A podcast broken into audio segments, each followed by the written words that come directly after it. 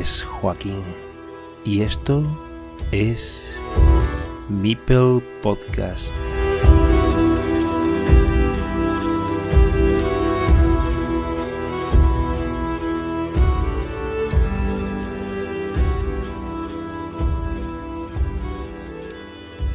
Muy buenas, bienvenidos de nuevo a otro episodio de Mipel Podcast. Esta vez tenemos con nosotros a una mujer que va cosechando éxitos por doquier, tanto en competición presencial como en competición online, y se ha clasificado por dos veces hmm, para participar en la selección. Una a través del método establecido por clasificación respecto al resto de aspirantes y otra debido a una meritoria y recién estrenada situación dentro del top 20 de arena en BGA, pero vamos, que no se pueden ocupar dos plazas de la selección, aunque viendo el impulso que trae, ¿quién no le daría dos asientos?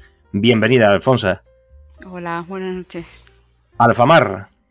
Alfamar es el nick que tengo en BGA. Sí. ¿De dónde viene? Pues yo me llamo Alfonso y mi hijo se llama Marcos. Y como el correo mío empieza por Alfamar, pues estoy acostumbrada a ese nombre, me suena bien y es el que puse. Una conexión madre-hijo. Muy bien. Eh, ¿Cómo llevas? Nada más que tengo ese. ¿Cómo llevas eso de ir alcanzando metas una detrás de la otra?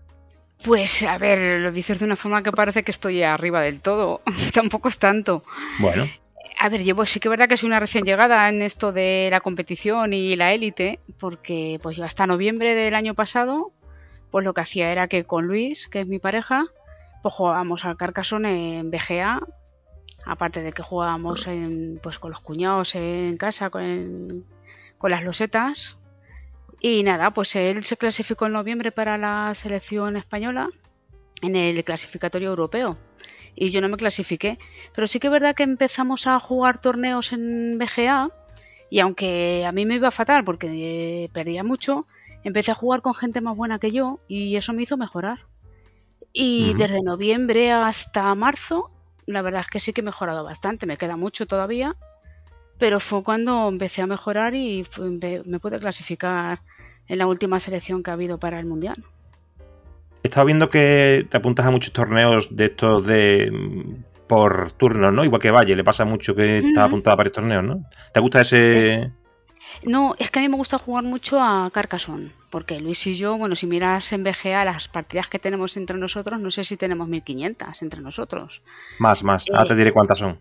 Entre nosotros, entre nosotros dos digo, no yo en total en BGA, sino él y yo solos tenemos un montón. Eh, a mí me divierte jugar a Carcassonne, entonces eh, tengo un ratillo libre y en vez de ver la tele, que me aburre, pues si no estoy haciendo otra cosa por la noche, me pongo a lo mejor de fondo en la tele, pero me echo unas partidas. Después de comer, en vez de echarme una cabezadita, pues unas partiditas.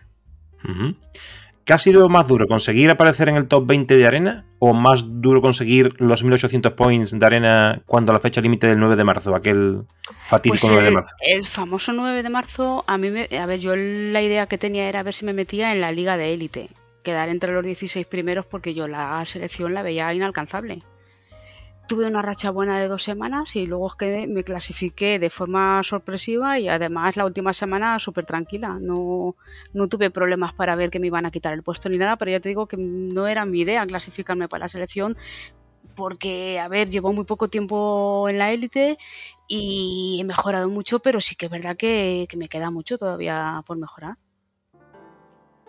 Lo peor fue llegar a los 1800 y mantenerlos. Eso fue lo peor, mantenerlos. Pero me refería que después ha aparecido en el top 20 de Arena al finalizar la temporada última y, ha sido eso más complicado mantenerte, ¿no? En el top 20 de los españoles te refieres. Ah, vale. Bueno, no sé, me mandaste una captura una captura de pantalla que estabas en el top 20. Pero de los españoles. vale. De lo, del total de españoles extranjeros me quedé la 169. De acuerdo. Entonces ha sido una confusión mía. En cualquier caso, ¿es más fácil haber llegado a los 1800 en definitiva o ha sido más difícil mantenerte ahí? Eh, más difícil quizá mantenerte. Lo más difícil para mí es mantenerte. Llegar, yo había llegado ya en la temporada anterior a 1840 puntos, que yo creo que es lo máximo que he tenido, pero igual que llegué a la semana siguiente los perdí. Nos pasa todo, creo yo. ¿Quién le gana? Sí. No, no, sí, sí. que es difícil mantenerte porque es lo que te decía antes de pegar tirones como los niños chicos, eh, vas avanzando pero luego no avanzas todo en línea recta para arriba, vas como subiendo, luego bajas un poquito, luego subes otra vez, entonces la línea a medio plazo es ascendente pero vas teniendo como picos y vas subiendo y bajando, no estás siempre arriba. Sí, es una estadística, ¿no? Es pico para arriba, lo importante es que al final la línea sea ascendente, pero pues tiene bajones y luego va subiendo, porque no, no aprendes de golpe. Y hasta que te estabilizas en un nivel, pues te cuesta, te cuesta. ¿Quién le gana más partidas a quién actualmente? ¿Lo cuelo a Alfamar o Alfamar a lo cuelo? a ver, Alfamar eh, eh, siempre ha perdido más partidas con lo cuelo. Sí que es verdad que en los últimos meses estamos un poco más igualados, por eso, porque yo he mejorado bastante. Pero él gana más que yo. a mí me gana más. Mm, recuerdo en su entrevista, la de Luis, que comentaba que accediste a BGA con motivo de la pandemia y el confinamiento, pero gracias a ese descubrimiento estáis hoy donde estáis, ¿no? Sí, sí, nosotros jugábamos pues eso, con los, mis cuñados en su casa que le regalaron a la niña un carcasón y la niña no le hizo mucho caso. Y dijimos, pues parece que está bien. Y nos poníamos los cuatro a jugar al carcasón todos los fines de semana. Cuando no estábamos con mis cuñados, pues jugábamos Luis y yo, en mi casa o en la suya, rato libre que teníamos al carcasón. Pero eso, pues porque nos divertía. Llegó la pandemia eh, cada uno vivimos en nuestra casa, aunque hacemos ahí los fines de semana vida en común, pero de lunes a viernes cada uno estamos en nuestra casa. Entonces cuando llegó la pandemia, pues no podíamos vernos viviendo los dos en Fuenlabrada. Y me dice a los pocos días, he descubierto una plataforma o un, juego en internet que te puedes conectar, jugar al Carcassonne y podemos hablar y vernos. Digo, no me digas. Total, que mm, nos, pues eso, nos hicimos los dos la cuenta y al principio, los primeros meses, jugábamos solamente él y yo, uno contra el otro, pues eso, para charlar, para jugar y para entretenernos. Y él fue el primero que empezó a jugar partidas en arena. Y dice, pues sabes que también se puede jugar con otros jugadores. Y como empezó él, pues yo le seguí y bueno, pues poco a poco vas mejorando. Y así fue como empezamos. Mm. Y, en esos inicios, ¿quién, ¿quién enseñó a quién? ¿Te enseñó a la tira a jugar o tú a él? O... Es que empezamos a jugar al Carcassonne juntos. Cuando le regalaron a su sobrina el juego, ninguno sabíamos y empezamos a aprender los dos a la vez. Él aprendió un poco más deprisa y se le daba un poco mejor que a mí, pero el nivel lo teníamos parecido. a ver, el nivel lo tenemos parecido, sí que es verdad que yo es que hay veces pues que, que tengo despistes y eso me hace que pierda partidas que a lo mejor las podría ganar. Luego jugar, juego bien, pero pues eso, me tengo ahí despistes que yo no sé si tendrán solución, porque no sé si es de la edad o es de mi forma de ser, pues que o si estoy cansada, que no me fijo y a lo mejor una loseta la colocas mal y eso te hace que pierdas la partida completa, pero empezamos a jugar los dos al mismo tiempo. Eh, hablabas antes de los números de partidas que tenéis entre los dos, pero te voy a hacer una aclaración respecto de los datos que yo he visto en BGA. Después de Luis, que tiene más de 7.000 partidas de Carcassonne en BGA, o eso es lo que aparece, estáis las mujeres. Tú y Valle con más de 6.000, 6.600. Claro, pero ese es el total de partidas en BGA. Yo te digo las que hemos jugado Luis y yo. O sea, no, no. Está claro que. por contrincante es tremendo la, cantidad de partidas que nos hemos echado los dos juntos. Entre vosotros, sí, sí, sí, sí, sí. Pues eh, mm, es curioso porque hablando de Carcassonne Spain, eh, las partidas que habéis jugado a nivel individual, o sea, con quien sea, eh, ya, como te comentaba, creo que quien más tiene disputadas ahora mismo es Luis sorprendentemente con más de 7.000. Y después van las mujeres. Y hablo de Valle con 6.600 y tú con 6.000. Por detrás, el siguiente es EQ, que es Íñigo con 5.500 y Mick Crack con 5.000. Y ya mucho más detrás aparecen los siguientes. Curioso, ¿eh? Que digo yo que no trabajáis o, como... Sí, ya te digo, que yo en vez de echarme como la gente come y se echa la cabezadita o se pone a ver la novela o yo qué sé, alguna cosa en la tele, pues yo me echo tres o cuatro partidas, que son de 10 o 15 minutos cada partida, pues hay días que no puedo, pero me echo dos, tres partidas después de comer. Luego por la tarde, si estoy aquí en casa, que también pues hago mis tareas y salgo a andar y quedo con gente, pues estoy en casa y tengo un ratillo, pues para descansar, en vez de hacer otra cosa, me echo una partida. Ahora después de cenar, si está Luis en su casa y yo en la mía, nos conectamos, charlamos mientras jugamos de cómo nos ha ido el día y todo eso y nos echamos otras dos o tres partidas. Eh, por cierto, cuando, cuando te he dicho, eh, que las mujeres vais detrás de Luis en el sentido del número de partidas. No, no, he dicho el número de, de, mujeres. ¿Crees que hay alguna más en ese top frequency, aparte de ti y de Valle? Pues yo creo que sí, que hay alguna catalana que juega muy bien y juega mucho en arena porque me las he cruzado yo un montón de veces. Es que yo soy muy mala para los nombres, pero está Prono Febel que juega mucho. Eh, juega muchísimo también. Eh, Superma juega menos, pero también es que yo no me conozco mucho los nombres y me hago un poco de lío, pero sí que Jolis y Prono Febel sí juegan mucho. Pues sí, has acertado porque está en el equipo azul en segunda y la mayoría de sus duelos los gana por 3-0. Es Miriam Carquiñolis con 6.900. Muy bien. Sí, sí, sí. 6.900 partidas. O supera a Tía Valle, pero está cerca de, Luis. Se puede convertir en la, jugadora de Carcassonne Spain con más partidas disputadas hasta ahora, hasta la fecha. Eh, casi 7.000. Eh, es la perseguidora de Luis, vaya. Y que, yo, y que yo haya visto a nivel internacional, Alexei tiene más de 8.000 y Nocebo, que ya no se prodiga eh, mm. mucho en arena, tiene más de 14.000. Y Mijail también tiene 12.000 y pico. Sí, sí, efectivamente. Eh, en fin, que, está, estáis por ahí arriba en el top de, de Yo creo que de, jugar se aprende, es así. Cuanto más jugamos, se aprende. Hay gente que sí que verdad como todo, que a lo mejor con menos partidas las aprovecha mejor y aprende más. Pero si eres un poco que te cueste más, pues mm, la forma de mejorar es jugando. Está claro. Efectivamente.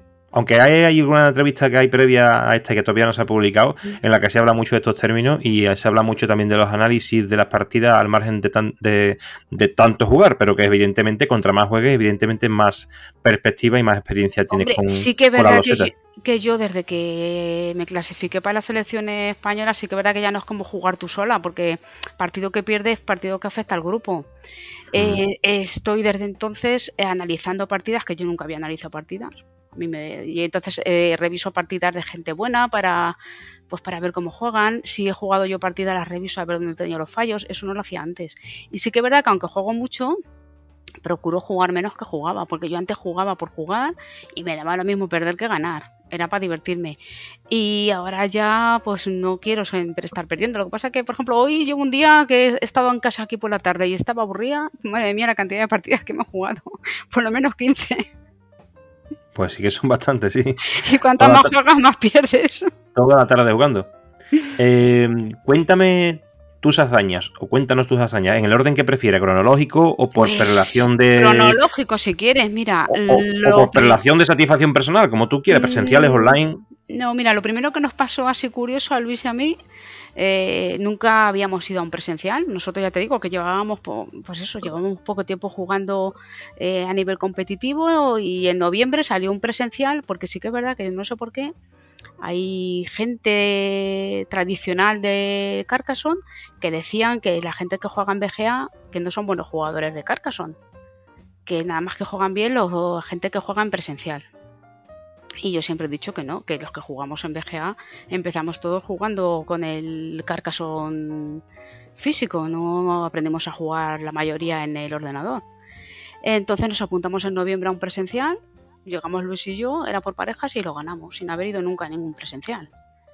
Y la verdad es que aquello, como no llevábamos ninguna expectativa, nos hizo mucha ilusión. Eso fue lo primero así que, que sin esperarte lo ganamos, que no te dan, decía mi hijo, ¿y te han pagado algo? Digo que no, que no aquí no dan dinero, pero te vas contento, que lo, es suficiente. Ese es el muñecote ese que tienes puesto de perfil, ¿no? Sí, son dos meeples eh, que si los juntas mm, se hacen una figura única y luego yo tengo uno y Luis tiene el otro. Y eso fue lo primero que ganamos juntos. Y luego después fuimos a Interocio. Luis se clasificó para la semifinal y yo me quedé la quinta o la sexta porque no, llegué a octavos y me eliminó Víctor Fiamat, que muy bueno y me tocó y me eliminó. Y luego después fui, es que yo no me acuerdo, donde habíamos ganado el, el presencial por parejas, eso ha sido ahora un mes o mes y medio, pues lo mismo, llegamos a ese era individual, para el clasificatorio, si siquiera para el clasificatorio para el nacional, y gané. Y, conseguí la plaza para el nacional. Que sí que es verdad que en la liga tenemos que estar entre los seis primeros, los que estamos en liga élite, y la liga élite está muy difícil, porque hay un nivel altísimo. Y, y, me clasifiqué ganando el torneo. Y luego fuimos a otro, hará tres semanas o por ahí, Luis y yo, Y llegamos Luis y yo a la final, ganó él y yo me quedé en la segunda. Sí, ese famoso en el que se ganó una plaza para, que la Nacional. Esa la ganó él mm. para Nacional, yo ya la tenía y me quedé en la segunda. Y nada, y luego pues eso, para mí lo de meterme en la selección española es que no me lo esperaba, porque mi idea era intentar meterme en élite y, tuve dos semanas buenas de juego y, llegué y, no bajé y ahí, estoy intentando aprender de lo, de, los buenos que tenemos ahí en la selección, que hay un nivelazo tremendo. Pues sí. ¿Cómo definirías tu estilo de juego, Alfonso? Mm, pues un poco atrevido, es como todo, la ignorancia es atrevida. Eh, yo como hasta ahora jugaba por divertirme, pues tampoco pensaba mucho. Sí que es verdad que mm, antes iba más a bloquear, a intentar que el otro rival no hiciera tantos puntos, pero cada vez voy más a intentar mover los meeples todo lo que puedo, eh, que se muevan muy rápido y que aunque sean pocos puntos que los recuperes pronto. Eso es lo que estoy intentando hacer ahora. Ah, te da coraje los mipel atrapados, ¿no? Sí, sí, y ahí lo que no me gusta nada son las ciudades grandes. Esas a la larga casi siempre traen problemas. Yo ciudades pequeñas, aunque sea un camino de tres puntos, intentar eso, hacer los máximos puntos posibles con cada muñeco. O sea, una persona práctica, vamos a llamarlo así, ¿no? Eso estoy intentando. Luego ya, pues depende de quién te toque de rival. Y luego también es muy importante, pues eh, a mí me gusta llevar la iniciativa. Como estas partidas que por lo que sea tienes que ir al son que te va marcando el rival, es que ya no juegas como juegas tú y, vas forzada y al final terminas casi siempre perdiendo. Sí. Eh, ¿A quién te cuesta más ganar de los integrantes de Carcassonne Spain, con los que ya hayas tenido la oportunidad de enfrentarte, tanto en arena como en liga? Pues a Oscar, Oscar Iris. A Oscar Iris, ¿no? Es tu bestia negra, ¿no? No he jugado, a ver, hay mucho nivel. Estroncio, ya con Estroncio he jugado Solo es que he jugado, ya te digo que como llevo muy poquito tiempo en la élite, es que he jugado muy pocos partidos con los buenos, entonces tampoco tengo mucha experiencia. Pero con Estroncio yo creo que no he ganado nunca, habré jugado 5 o 6 veces con él, no le he ganado. A Oscaridis también habré jugado con él 7 u 8 veces, un empate ha sido lo que he sacado, pero sí que es verdad que aunque no les gano, yo me voy notando que cada vez me ganan por menos puntos y que, la que estoy metida en la partida, que no es como al principio, que es que no sabía ni por dónde me venía el aire. Y entonces cada vez hay como menos diferencia. Entonces, aunque pierda la partida, pero si veo que la perdió por 4 o 5 puntos, 2 puntos y casi estaba ahí al final que podías haberla ganado, pues para mí es señal de que vas mejorando algo. Eh, ¿Un referente para ti en Board Game Arena? Uf, a mí los rusos y los brasileños me encanta cómo juegan. Y los de Ucrania, vamos, los países del este y los brasileños juegan estupendamente los estilos de juego, ¿no? Mm. La, forma en la que desarrolla la partida. Sí, sí. Eh, una pregunta diferente. ¿Qué destacarías positivamente, pero también qué elementos diferenciadores de las iniciativas del canal de Twitch dirigido por Frank respecto, por ejemplo, de este podcast mm, de Joaquín? Quiero decir, ambos ambos aportan cosas positivas, pero ¿dónde estableces tú, bajo tu punto de vista, la disociación o dónde radica el punto de inflexión de cada espacio de divulgación? Me gustaría saber esa opinión también de vosotros. Y que el Twitch no lo mismo. Ahora con todo esto yo no tenía ni cuenta de Twitch ni de Discord ni nada de todo esto. Pues yo creo que el Twitch eh, llega a más gente no sobre todo a gente joven a lo mejor. No lo sé pero vamos, me parecen dos iniciativas estupendas, porque que haya gente mm, como tú y como Juliano mm, preocupándose de todas las semanas hacer un programa y, propagar que la gente conozca Carcassonne, me parece, vamos, eh, de alabar. Me parece muy bien. Em, bueno, y volviendo otra vez a Carcassonne España y a la selección, ¿qué futuro ves entre las dos? Y bueno, ¿y qué crees que está por venir, tanto de la una como de la otra? Pues a ver, de la selección española de Carcassonne yo creo que va a haber un sorpresón este año, si no es este año, porque las cosas no siempre se hacen enseguida, a lo largo de las próximas ediciones de Mundial y Europeo.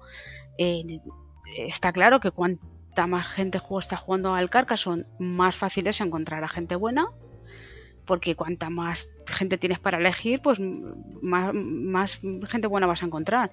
Y luego aparte que nos lo estamos tomando mucho más en serio, eh, estamos entrenando y la gente tiene mucha ilusión. Yo creo que en este mundial la selección va a hacer un papel bastante bueno y va a ir mejorando luego en el europeo y en los siguientes en las siguientes ediciones. Mm. A, la par también la comunidad, ¿no? Entiendo, ¿no? Claro, es que, claro, lo importante es que la gente conozca el juego, que les aficione, que le guste, y cuanta más gente haya, pues mm, yo creo que al final eh, lo que hace es que cada vez eh, añade más gente. El boca a boca también, sí. Cuanto más se conozca, más gente va a empezar a jugar. Y en Brasil, por ejemplo, tú te coges brasileños que yo no sé mucho, ya te digo, que llevo poco tiempo en este mundillo así de competición y no conozco casi nada. Pero, por ejemplo, hay en países donde ves que hay dos o tres buenos y luego es difícil encontrar gente de nivel, tú te vas a, con los brasileños y hay un montón de gente buena. Eso es porque, por lo que sea, ahí estará muy extendido el Carcassonne. Sí, la verdad que han hecho una labor bastante intensa. Claro. De, bueno, de de divulgación de Carcassonne en este caso. Es así, tú en un deporte o en cualquier cosa de la vida, en cuanto lo divulgues y eh, la gente se apunte para aprenderlo, cuanto más gente se apunte, más facilidades hay de encontrar a gente buena. Pasó aquí en España, cuando ahora que ha sido el aniversario de las Olimpiadas del 92.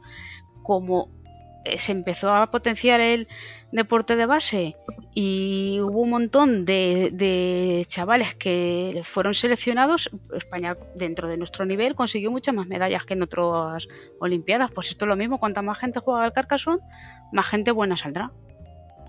Sí, además ellos tienen un programa de inserción en las escuelas que no está a lo mejor tan, eh, tan expandido dentro de todo Brasil, pero tienen un inicio de, ese tipo de iniciativa en el que, bueno, pues están viendo jóvenes talentos alrededor. Uno de ellos es Zeus Gladiator y lo verás en la entrevista si, si le... De 17 años, que ha llegado hace poco 500 de Elo, exactamente. Efectivamente, sí. Le hago preguntas a todo el mundo que pasa por, eh, por Mipel Podcast eh, relacionadas con lo siguiente en este caso te las hago a ti. ¿Qué loseta te, te gusta más? Mm. A mí me gusta mucho la del divorcio. Y el divorcio. Los dos que separan. Estas son las que más me gustan.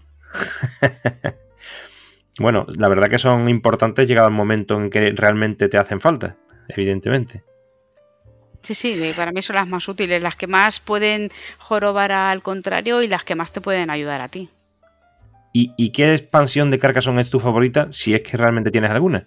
Pues a ver, yo expansiones, ahora aquí en BGA me apunté a un torneo sin fijarme mucho y esto es de estos que tiene el hada y el dragón y todo eso. Para jugar en el ordenador a mí no me gustan. Eh, Luis y yo teníamos el del río y el de de las ovejas, es que yo no me, ya te digo que jugábamos por, divertirnos y, es que tampoco conozco mucho más. No, no, no conozco que otras expansiones así que, que haya, porque no, bueno, te enterarás con las iniciativas que vendrán próximamente.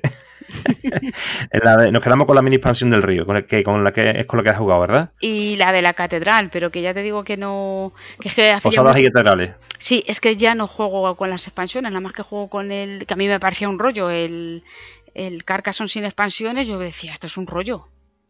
Es un aburrimiento, pero claro, a nivel competitivo es cuando te da juego.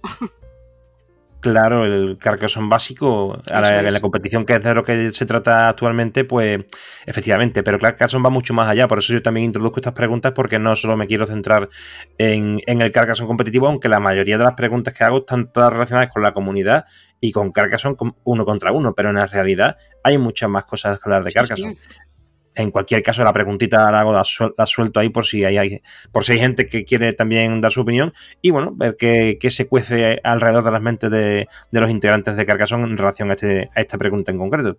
Y bueno, dime otro juego de BGA que destacaría o que te gusta. No juego a ninguno más. Carcassonne, nada más, ¿no? Yo soy de Carcassonne y se acabó. Juego luego, pues eso, al MUS o a a las cartas. Eh, eh, tiene Luis una prima que son jugadores de juegos de mesa de todos los que te puedes imaginar. Cuando nos juntamos con ellos, se traen un montón de juegos y juego a, los juegos que me pongan, juego. Pero yo luego no me acuerdo de los nombres, porque a lo mejor juego dos partidas y ya cuando los vemos la próxima vez se traen otros juegos distintos y se me olvidan los nombres. Bueno, ya me ha respondido también entonces a la otra pregunta que era otro juego fuera de BGA. En este caso el MUS.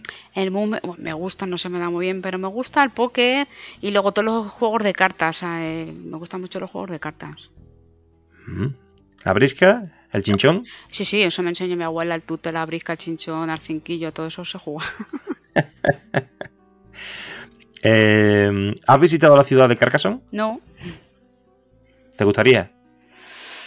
Bueno, por curiosidad, pero vamos, que tampoco le veo yo mucha relación con el juego. Coincide que tendrá el nombre porque será una ciudad medieval con torres y, esas cosas, pero bueno, sí, por curiosidad, pero igual que puedo decir que tengo ganas de ir a ver París o a ver otra, o Venecia, que tampoco...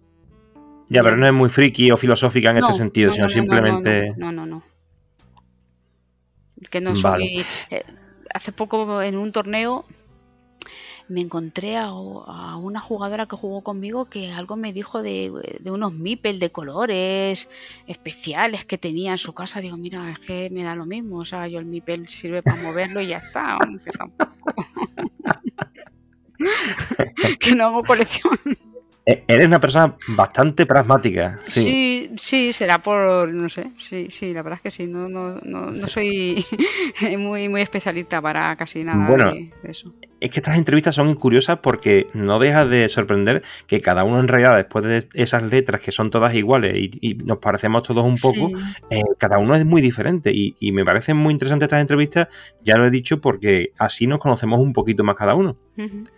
Es interesante. Bueno, que, mm, quiero agradecerte esta presencia tuya en el espacio del MIPEL Podcast, pero antes de finalizar la entrevista quisiera que añadieras algo, lo que tú quieras, pero puede ser algo de lo que no se haya hablado, alguna curiosidad que tengas por alguna cosa, alguien que a quien te gustaría que entrevistara o enviar un saludo a alguien, a algún integrante de la comunidad, o te dejo este momento para ti que tú quieras que tú quieras decir lo que tú que se te ocurra.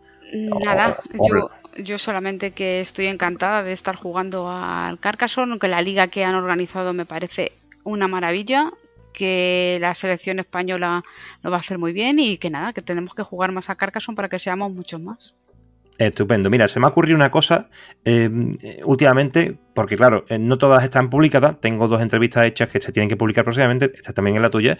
Pero em, se me ha ido ocurriendo algo em, que se hará con posterioridad. Eh, voy a lanzar la idea de que me hagáis todos a mí también una entrevista. Entonces la idea sería que cada uno, pues, lo diré próximamente ¿eh? en el Telegram, pero cada uno me, me mande un audio por privado para que nadie se entere de cuál es la pregunta de cada uno, eh, que yo después pondré como un clip, como un corte, y después yo responderé a cada una de esas preguntas. Pero vamos a hacer la iniciativa ahora en esta entrevista. Vas a tener la exclusiva, te dejo que me preguntes algo infraganti, la entrevistada pregunta al entrevistador y esto puede servir de iniciativa para, esa posible entrevista del Populacho después al locutor de mi podcast. Una sola pregunta. ¿Por qué te cambiaste el nombre del nick en BGA? Vale, esa pregunta se nota que tenías ganas de hacerla. Tenía ganas de hacerla porque además a ti te conocía de hacia, bueno, te conocía de BGA, la gente que jugamos mucho en BGA por el nick sin conocerte nos conocíamos ya muchos. Y había con gente que coincidía bastante y sin conocerte pues bueno por la forma de jugar o por la forma de saludar te caían bien y tú me caías bien y de repente te cambiaste el nombre y digo uy se lo ha cambiado ¿por qué? Bueno, mira, básicamente cuando empecé la idea de, hacer un proyecto relacionado con Carcassonne, todo se debió, y creo que lo he comentado en alguna ocasión, a que yo vengo del ajedrez y en ajedrez estamos muy acostumbrados a que existan los análisis, la bibliografía, los el software, hay de todo. Entonces, claro, mm, vi que Carcassonne era una estrategia sencilla, relativamente sencilla y fácil de jugar, pero detrás había bastante también que, entender. Y, y, yo estaba ahí en un limbo en el que estaba por los 200 puntos de los 200 y pico, y me veía con capacidad, pero había cosas que no entendía. Entonces me puse a buscar bibliografía eh, por internet y no encontraba nada en español. Y me topé con un libro de Buff of Carcassonne, de Dan Char y Steve D. Eh, estaba en inglés, lo compré, me lo leí. Pero claro, me di cuenta de que aquí había algo de hueco, de nicho, para poder hacer algo. Y este es el motivo por el que empecé a escribir un libro relacionado con lo poco conocimiento que tenía. Claro, después fui mejorando, eh, os fui conociendo también a vosotros después, pero previo a conoceros a vosotros, empecé a generar un proyecto de divulgación que tenía varias vertientes. Eh, y tampoco sabía cómo lo iba a hacer. En este caso, lo del podcast era una idea, pero era solamente como una iniciativa, igual que la de otro podcast que tengo, estilo de divulgación. Ni mucho menos se me había pasado por la cabeza hacer estas entrevistas, pero en la comunidad ya me di cuenta que tenía sentido. ¿Qué es lo que pasó antes de todo esto y por qué me cambié el nick? Porque yo el nick que tengo es el que utilizo en muchos sitios, en muchos espacios. Se llama Kino Pepino. A mí como Joaquín me conocen como Kino en realidad en mi familia y, mis, y mis amigos. ¿Vale? Sé que en Valencia dicen Chimo, sé que en otros sitios dicen Kini o, Kiko, bueno, no sé, la verdad, bueno, Kiko es Francisco, ¿no? Sí. Pero mm, voy a resumir. Eh, mm, lo de Kino, como buscaba muchas maneras de llamar Kino en internet, y hay montones en internet, es imposible llamarse Kino o Kino con un número porque siempre estaba repetido. Y era yo más jovencillo y lo de Kino, digo, bueno, tengo que buscar un nombre de Pepino, un nombre chulo. y, esa gilipollez me llevó a juntar lo de Kino y lo de Pepino y puse Kino Pepino. Ah. ¿Quién coño se llama Kino Pepino para hacer un proyecto de cualquier cosa? Nadie. y entonces empecé a darle vueltas, puse un montón de nombres y al final se me ocurrió eh, lo de, de POC de alguna manera porque estaba buscando cosas relacionadas con Carcassonne, el poder de Carcassonne total, que al final lo de The Power of Carcassonne fue una idea, pero claro, lo, puse, lo quise exponer que no en todos lados se puede hacer en todas las redes, con el THE, que es el o el artículo ¿no? determinado, y, y, después lo de las siglas POC, ¿no? Y bueno, al final salió eso, que no sé si estaba mejor o peor, pero se quedó así. Además, como es muy escueto, pues ahí viene un poco. Yo ya me he acostumbrado a Depok y ya bien, pero sí que es verdad que cuando te cambiaste mm, me costó, pero ya no, ya casi ni me acuerdo del otro. pues bueno, esa sería la respuesta. Muy bien, pues muchas gracias.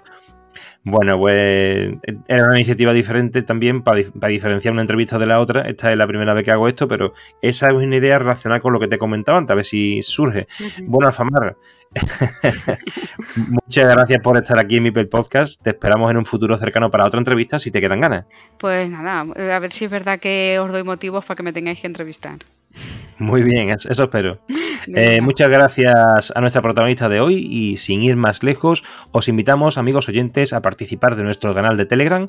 Nuestra comunidad está abierta para todos y se vienen cosas muy chulas. Además, tenéis el canal de Twitch presentado por Frank y este podcast que os ofrezco para vuestro entretenimiento, la Wikicarpedia para aprender más sobre Carcassonne y una biblioteca de contenidos en lo que es el blog de la Plaza de Carcassonne. No os digo más, os esperamos en el próximo episodio de Mipel Podcast.